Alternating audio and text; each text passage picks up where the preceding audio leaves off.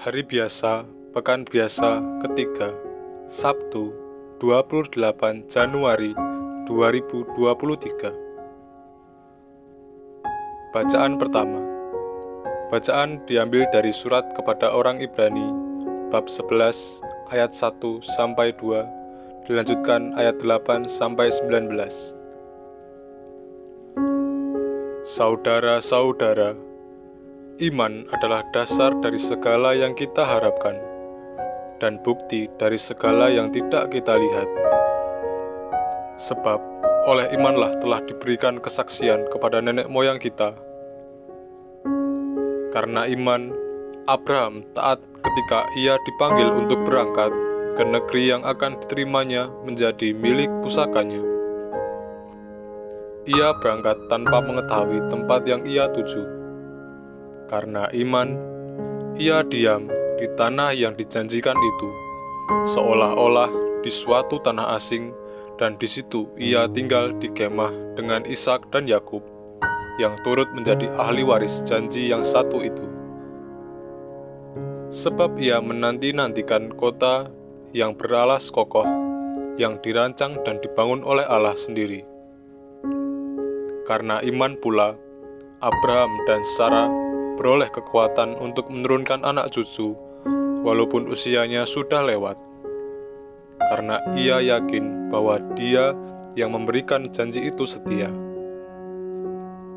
Itulah sebabnya, dari satu orang yang malahan telah mati pucuk, terpancar keturunan besar, seperti bintang di langit dan pasir di tepi laut, yang tidak terhitung banyaknya dalam iman, mereka semua telah mati sebagai orang yang tidak memperoleh apa yang dijanjikan itu. Tetapi hanya dari jauh mereka melihatnya dan melambai-lambai kepadanya dan mengakui bahwa mereka adalah orang asing dan pendatang di bumi ini.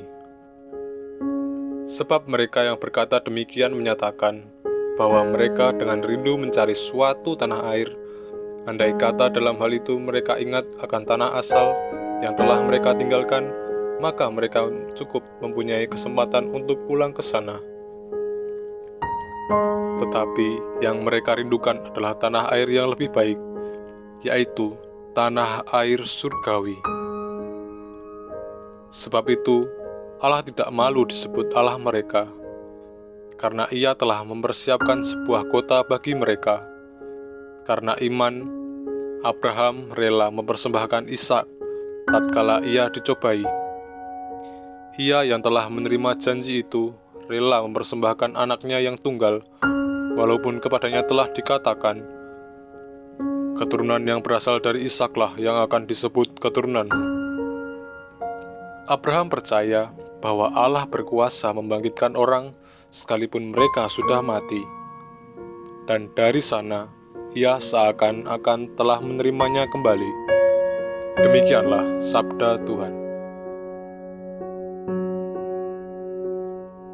Bacaan Injil diambil dari Injil Markus bab 4 ayat 35 sampai 41.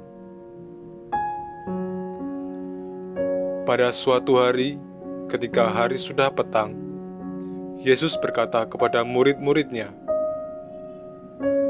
marilah kita bertolak ke seberang. Mereka meninggalkan orang banyak yang ada di sana, lalu bertolak dan membawa Yesus dalam perahu itu, di mana ia telah duduk.